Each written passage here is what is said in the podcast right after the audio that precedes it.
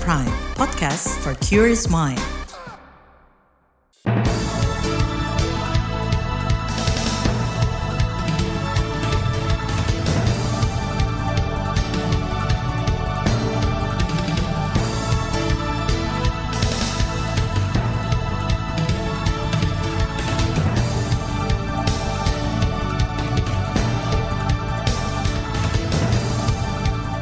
Selamat pagi saudara, senang sekali kami bisa menjumpai Anda melalui program Buletin Pagi edisi Rabu 22 Februari 2023. Bersama saya Naomi Liandra, sejumlah informasi pilihan telah kami siapkan di antaranya. Jabat Ketua Umum PSSI Erick Thohir diminta mundur sebagai Menteri BUMN. Kementerian Perhubungan gelar mudik gratis untuk pengendara motor. Delapan korban heli Kapolda Jambi berhasil dievakuasi. Inilah buletin pagi selengkapnya. Terbaru di buletin pagi. Saudara pergantian pengurus PSSI memunculkan polemik soal rangkap jabatan menteri. Ketua Umum PSSI Erick Thohir merupakan Menteri BUMN, sedangkan Wakil Ketua Umum PSSI dijabat Menteri Pemuda dan Olahraga Zainuddin Amali. Zainuddin belakangan menyatakan bakal mundur dari jabatan menteri untuk fokus mengurus sepak bola. Politikus Partai Golkar ini menyampaikan keinginan itu kepada Presiden Joko Widodo Senin lalu atau sehari setelah terpilih sebagai pengurus PSSI. Jokowi mengkonfirmasi telah menerima pengunduran diri Zainuddin tetapi belum menerima surat resmi. Secara resmi belum, tertulis belum. Informa sudah. Gantinya nanti kalau sudah ada resminya baru bisa bicara. Ya, terima kasih. Namun langkah Zainuddin tidak diikuti oleh Erick Thohir. Di sisi lain, Jokowi juga tidak mempermasalahkan rangkap jabatan para menterinya asalkan mampu membagi waktu. Ia menyebut deretan menteri lain yang menduduki jabatan ketua organisasi olahraga. Misalnya Menteri PUPR Basuki Hadi Mulyono yang mengurus cabang olahraga dayung, Menko Perekonomian Erlangga Hartarto di Wushu, Menteri Pertahanan Prabowo Subianto di pencaksilat, serta Menko Maritim dan Investasi Luhut Panjaitan di atletik. Sikap Jokowi yang merestui rangkap jabatan para menterinya diklaim tidak melanggar regulasi. Hal itu diungkapkan tenaga ahli utama kantor staf kepresidenan Ade Irfan Pulungan. Kalau ada sebuah regulasi atau aturan yang tidak dilanggar, eh, jangan dikaitkan untuk ini dong, untuk didesak-desak untuk eh, apa eh, membuat orang jadi eh, pesimis gitu, ya? Tenaga ahli utama di kantor staf Presiden Ade Irfan Pulungan yakin Erick Thohir mampu memimpin Kementerian BUMN dan PSSI. Di lain pihak, kalangan parlemen meminta Presiden Jokowi tidak asal merestui rangkap jabatan para menteri. Ketua Komisi Keolahragaan DPR Saiful Huda mengatakan Presiden mesti rutin mengevaluasi kinerja Menteri BUMN Erick Thohir. Saya berharap Presiden melakukan evaluasi secara berkala. Jadi Presiden melakukan evaluasi berkala atas eh, rangkap jabatan ini apakah mengganggu atau tidak atau malah sebaliknya menciptakan suasana produktif bagi percepatan pengelolaan sepak bola. Anggota DPR dari fraksi PKB Syaiful Huda menambahkan masyarakat harus mendapat kompensasi dari rangkap jabatannya Erick Thohir. Kompensasi yang dimaksud berupa percepatan reformasi dan transformasi PSSI. Sementara itu kritik atas rangkap jabatan para menteri disuarakan pengamat kebijakan publik Trubus Rahadiansyah. Kata dia rangkap jabatan berpotensi melanggar undang-undang tentang kementerian negara, terutama organisasi olahraga yang dibiayai APBN atau APBD, semisal PSSI. Trubus mengapresiasi keputusan Zainuddin Amali untuk mundur dari kursi menteri. Menurutnya langkah serupa mestinya dilakukan oleh Erick Thohir secara etika itu kemudian muncullah kekhawatiran tentang konflik kepentingan. Jadi konflik kepentingan, tumbang tindih ini apa hal-hal yang berkaitan dengan tugas pokok fungsinya juga. Gitu. Jadi itu menurut saya memang secara etika harusnya mundur. Itu tadi pengamat kebijakan publik Trubus Rahadiansyah. Kementerian Perhubungan gelar mudik gratis untuk pengendara motor. Informasinya hadir sesaat lagi, tetaplah di Buletin Pagi KBR. You're listening to KBR Pride, podcast for curious mind. Enjoy!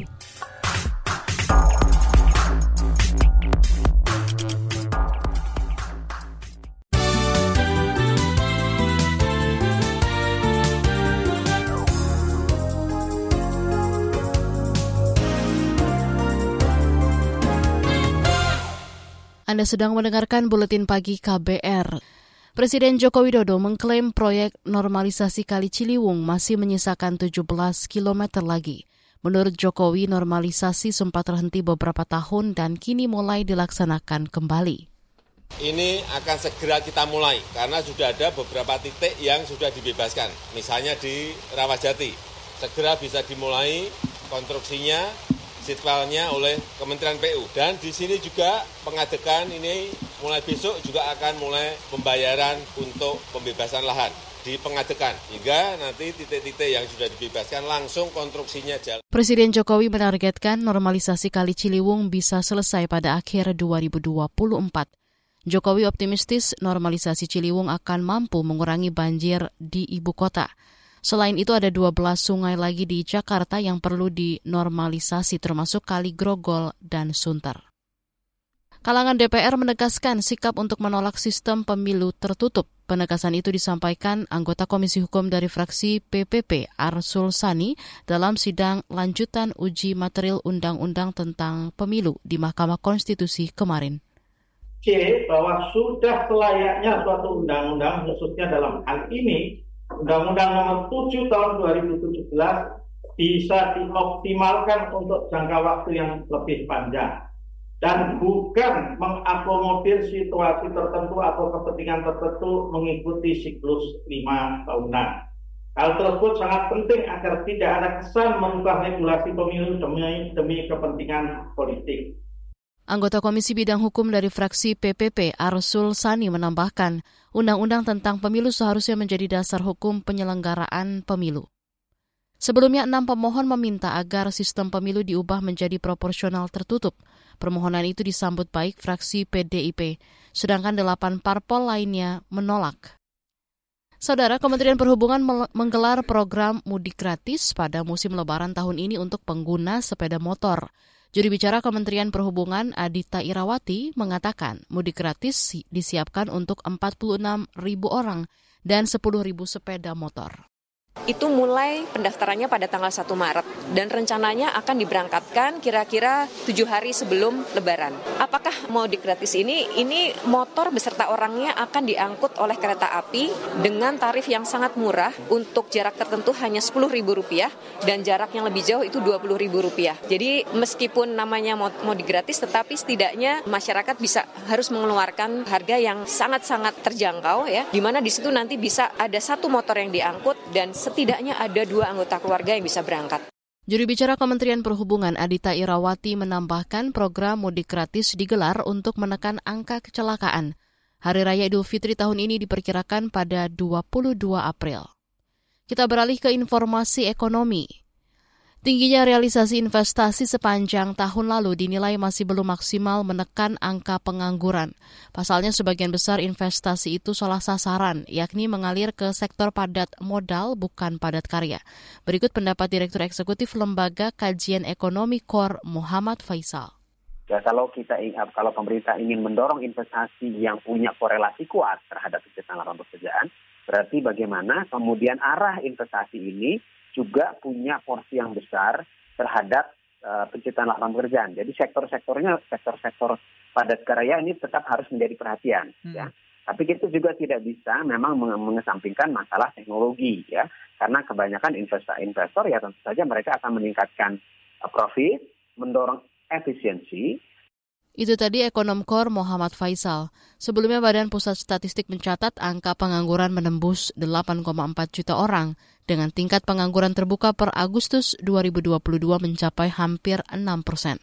Padahal realisasi investasi tahun lalu diklaim melampaui target 1.200 triliun rupiah.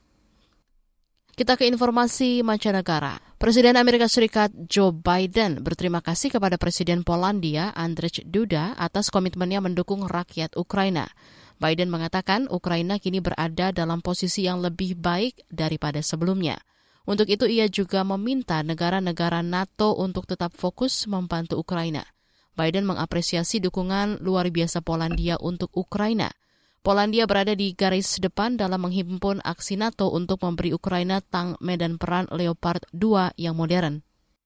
Kini Polandia juga menjadi pemimpin dalam pelatihan militer untuk Ukraina. Sementara itu, keputusan Presiden Rusia Vladimir Putin untuk menangguhkan partisipasi dalam perjanjian pelucutan senjata nuklir atau START disesalkan pejabat Gedung Putih. START adalah perjanjian pelucutan senjata nuklir antara Amerika Serikat dan Federasi Rusia yang ditandatangani April 2010 di Praha, Republik Ceko. Menurut Menteri Luar Negeri Amerika Antony Blinken, keputusan ini menunjukkan Rusia tidak bertanggung jawab Beralih ke informasi olahraga dari ajang Liga Champions. Real Madrid membantai Liverpool 5-2 di Stadion Anfield Rabu dini hari tadi. Real Madrid berhasil bangkit setelah empat setelah sempat tertinggal 0-2 hasil gol Darwin Nunes dan Mohamed Salah. Tim papan atas Spanyol itu menyamakan kedudukan di babak pertama lewat dua gol Vinicius Junior. Tiga Real Madrid di babak kedua disarankan Eder Militao dan dua gol oleh Karim Benzema. Masih soal Liga Champions, Kamis dini hari besok Inter Milan akan menghadapi Porto di leg pertama. Nerazzurri punya rekor bagus kala menghadapi Porto dengan dua kali menang dari empat pertemuan. Itu pula yang membuat manajemen Inter Milan mengharuskan pelatih Simone Inzaghi memetik kemenangan dari Porto. Apalagi Inter Milan juga akan bermain di kandang sendiri di Stadion Giuseppe Meazza. Di kubu Porto, ketajaman Tony Martinez sangat dibutuhkan karena enam pemain reguler dibekap cedera, seperti penyerang Evan Nielsen dan gelandang Otavio. Pelatih Porto, Sergio Conesiao, menyatakan krisis cedera mempersulit timnya di babak 16 besar Liga Champions. Di bagian berikutnya, kami hadirkan laporan khas KBR tentang genjot penggunaan kendaraan listrik, bagaimana dengan industrinya, tetaplah di Buletin Pagi KBR. You're listening to KBR Pride, podcast for curious mind. Enjoy!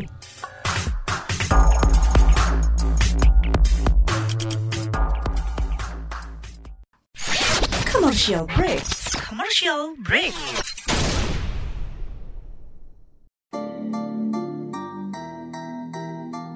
Come on yo, buat yang sukanya berhoax, you better listen to this one. Check this one out yo. Hati-hati kalau baca kabar hoax. Jangan langsung disebar kabar yang hoax. Kalau mau tahu kabar benar atau hoax, dengerin cek fakta yang pasti bukan hoax. Dengerinnya setiap Senin yang jelas bukan hoax. Cuma ada di kbrprime.id oh, dan aplikasi podcast lainnya. Hoax. Sudah cukup-cukup hoaxnya? Hoax. Cukup. Jaga emosi, tahan jari, verifikasi sebelum dibagi. Saya Aribo Sasmito, Ketua Komite Pemeriksa Fakta Mafindo. KBR Prime, podcast for curious mind.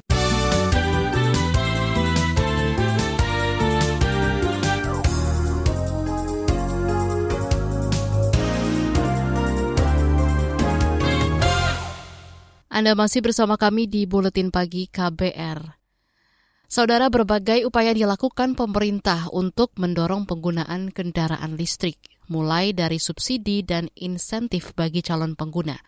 Namun kondisi ini tak sejalan di sektor industri. Ekosistem pengembangan kendaraan listrik di Indonesia masih belum baik. Hal itu pula yang membuat harga kendaraan listrik di negara ini masih mahal. Selengkapnya berikut laporan khas KBR disusun jurnalis Heru Haitami. Saya juga mengajak industri otomotif untuk mulai melihat tren ini dan sedikit demi sedikit untuk menggeser industrinya ke arah tren yang hampir semua negara sekarang ini ke arah itu dari combustion ke digeser sedikit-sedikit ke mobil listrik. Pernyataan itu disampaikan Presiden Joko Widodo saat membuka pameran otomotif tahunan Indonesia International Motor Show IIMS 2023 pertengahan bulan ini. Jokowi menegaskan pemerintah berkomitmen untuk mendorong terbentuknya industri kendaraan listrik dari hulu sampai hilir. Karena pemerintah juga sekarang ini terus mendorong agar dari hulu sampai hilir ekosistem besar mobil listrik ini segera bisa kita miliki sehingga bisa masuk ke supply chain global. Dari EV baterai, dari lithium baterai, semuanya sekarang ini terus kita dorong agar ini segera bisa selesai. Namun lembaga ombudsman menilai harga kendaraan listrik di Indonesia masih terlampau mahal. Menurut anggota Ombudsman Heri Susanto, aspek tingginya harga jual itu harus menjadi perhatian pemerintah. Dia mencontohkan harga mobil listrik pabrik Korea yang dibanderol sekitar 350 jutaan justru dijual di Indonesia hingga 700 juta rupiah. Sementara di Amerika dan Eropa, mobil buatan negeri ginseng itu dijual 450 jutaan. Aspek eh, implementasi di lini penjualan dan harga pasar, ini harga mobil listrik yang masih relatif mahal. Saat ini kendaraan listrik, terutama mobil listrik, ini harganya berkesan ya dari pihak dealer. Nah, mobil listrik dengan harga yang masih dinilai terlalu tinggi. Di mana harga jual mobil listrik di Indonesia lebih mahal dibanding harga jual mobil listrik di beberapa negara lain. Heri juga menyoroti belum meratanya sebaran stasiun pengisian kendaraan listrik umum SPKLU dan Stasiun Penukaran Baterai Kendaraan Listrik Umum SPBKLU. Masalah lain kata dia, administrasi layak jalan bagi kendaraan konvensi dari fosil ke listrik dan kurangnya aspek daya dukung sumber daya manusia yang memiliki keahlian dalam perbaikan kendaraan listrik. Dalam kesempatan berbeda, Dewan Komisioner Otoritas Jasa Keuangan OJK menyebut perlu dibentuknya ekosistem yang baik dan menyeluruh agar kendaraan listrik tersedia dan semakin terjangkau. Ketua Dewan Komisioner OJK Mahendra Siregar menilai saat ini, ekosistem produksi kendaraan listrik belum cukup. Ekosistem yang dibangun harus lebih luas dari sekadar produksi mobil dan motor listrik. Menurutnya, sumber daya di Indonesia memberi peluang besar mengundang investasi untuk bekerja sama maupun memproduksi sendiri dalam jumlah besar. Namun, ia berharap pengembangan kendaraan listrik nantinya tidak hanya menguras keuangan negara, melainkan juga memberikan nilai tambah bagi negara. Dalam pelaksanaannya kami pun melihat masih belum optimal karena eh, antara lain eh, tadi ekosistemnya belum eh, cukup baik untuk eh, perawatan dan eh, operasionalisasinya. Sepanjang 2022, angka total penjualan kendaraan listrik mencapai 28 ribu unit. Namun pertumbuhan penjualan motor listrik di Indonesia masih belum bisa berkembang maksimal. Hal itu identifikasi Presiden Direktur PT Dharma Kontrol Kabel Indonesia Eko Marianto. Infrastruktur baterai dari segi bahan baku dan tempat pengisian baterai saat ini masih terbatas. PT Dharma Kontrol Kabel salah satu perusahaan otomotif di Indonesia. Berdasarkan analisis Lembaga Kajian Ekonomi KOR, Diperlukan jaminan produksi ekosistem kendaraan listrik, mulai hulu hingga hilir, baik kendaraan jadi maupun komponen pendukung di dalamnya seperti baterai. Ekonom Kor Indonesia, Muhammad Faisal. Industri kendaraan listrik ini ditempatkan sebetulnya sebagai sektor prioritas sejauh mana ya dalam perencanaan industri ya dalam perencanaan sektor-sektor pendukungnya begitu ya. Nah ini yang harus ada kejelasan juga dari sisi planning. Kalaupun insentif diberikan itu kan untuk mendorong industri di dalam negerinya baik itu kendaraannya maupun baterainya. Muhammad Faisal menilai pemberian insentif kendaraan listrik harus berdasarkan skala prioritas yang tepat sebab masih ada sektor lain yang lebih membutuhkan insentif dari pemerintah untuk keberlanjutan industrinya. Kalau memang benar pemerintah ingin mendorong ini sebagai industri prioritas sampai pada pemain global ya memang perlu ada insentifnya. Nah, cuman berapa insentifnya dan bagaimana dan pada kondisi seperti apa itu kan yang perlu harus dilihat kembali. Kalau dalam jangka panjang memang ingin menjadi prioritas betul-betul tadi berarti harus sesuai sama roadmap yang dibuat oleh pemerintah. Demikian laporan khas KBR, saya Heru Haitami. Informasi dari berbagai daerah akan hadir usai jeda. Tetaplah bersama Buletin Pagi KBR. You're listening to KBR Pride, podcast for curious mind. Enjoy!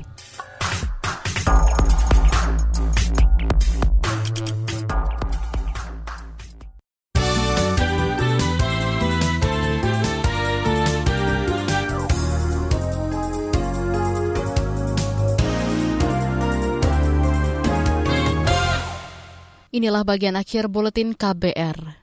Kapolri Listio Sigit Prabowo bersyukur seluruh korban kecelakaan helikopter bisa dievakuasi termasuk Kapolda Jambi Rusdi Hartono. Helikopter milik Polda Jambi mengalami pendaratan darurat di hutan Kerinci Jambi hari Minggu lalu. Jadi total 8 orang yang mengalami kecelakaan, mengalami pendaratan darurat, semuanya bisa dievakuasi enam sudah dibawa ke rumah sakit Bayangkara dan dua masih dirawat di posko Merangit. Kapolri Listio Sigit Prabowo mengatakan telah bertemu dengan Kapolda Jambi, Rusdi Hartono dalam kondisi sadar dan stabil. Kapolri juga menegaskan helikopter yang mendarat darurat karena kendala cuaca itu masih sangat layak digunakan dan selalu dirawat.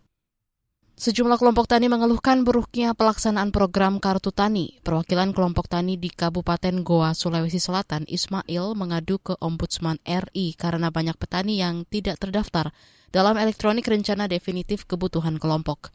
Akibatnya, petani kesulitan mendapatkan kartu tani sebagai syarat membeli pupuk subsidi. Uh, ini secara umum saya sampaikan, Pak. Uh, sekiranya dari pihak Ombudsman bisa uh, mempertanyakan kepada pihak dinas eh, mengapa hingga hingga saat ini masih banyak kelompok-kelompok tani belum tercover untuk pengajuan kartu taninya pada ERDKK alokasinya karena banyak yang belum keluar. Hal yang sama dikeluhkan Ketua Kelompok Tani Hutan di Banyuwangi, Jawa Timur, Bagus Purwanto kepada Ombudsman RI. Menurutnya, petani sulit mendapatkan kartu tani, padahal daerahnya mengalami kelangkaan pupuk. Sedangkan petani asal Lampung Selatan Gatot berharap pemerintah menambah lagi alokasi pupuk subsidi. Juri bicara Polda Papua Ignatius Beni Adi Prabowo menyampaikan tim gabungan TNI Polri sudah mendapat titik terang dalam upaya pencarian dan penyelamatan pilot Susi Air, Philips Max Martens. Philips disandra kelompok bersenjata di Papua pimpinan Egyanus Kogea. Kasus itu terjadi usai pesawatnya dibakar di Induga, Papua Pegunungan pekan lalu. Polri dan juga Satgas Damai Karten Polda Papua masih terus memaksimalkan upaya pencarian. Memang kita sudah bisa mendapatkan titik terang, namun kita tidak bisa jelaskan detailnya karena akan dapat mengganggu upaya pencarian dan penyelamatan pilot Susi Air tersebut. Juru bicara Polda Papua Ignatius Beni Adi Prabowo mengklaim pilot Susi Air dalam kondisi sehat saat ini tim negosiasi yang dikirim sudah berhasil bertemu dengan kelompok bersenjata.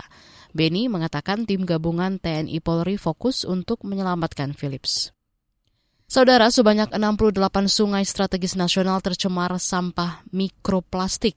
Peneliti di LSM Lingkungan Ekoton, Amiruddin Mutakin, mengungkapkan Lima provinsi yang sungainya paling tercemar mikroplastik adalah Jawa Timur, Sumatera Utara, Sumatera Barat, Bangka Belitung, dan Sulawesi Tengah.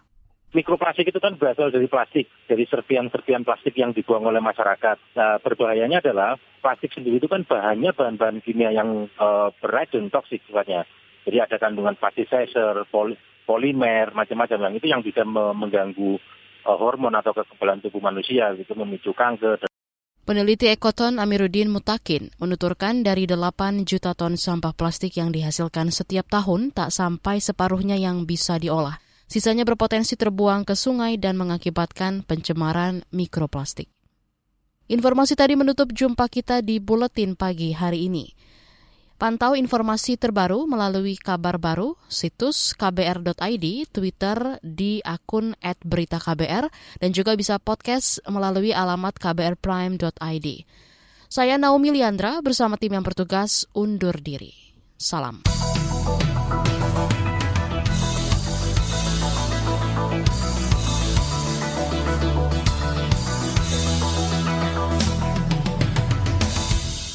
KBR Prime, cara asik mendengar berita. KBR Prime, podcast for curious mind.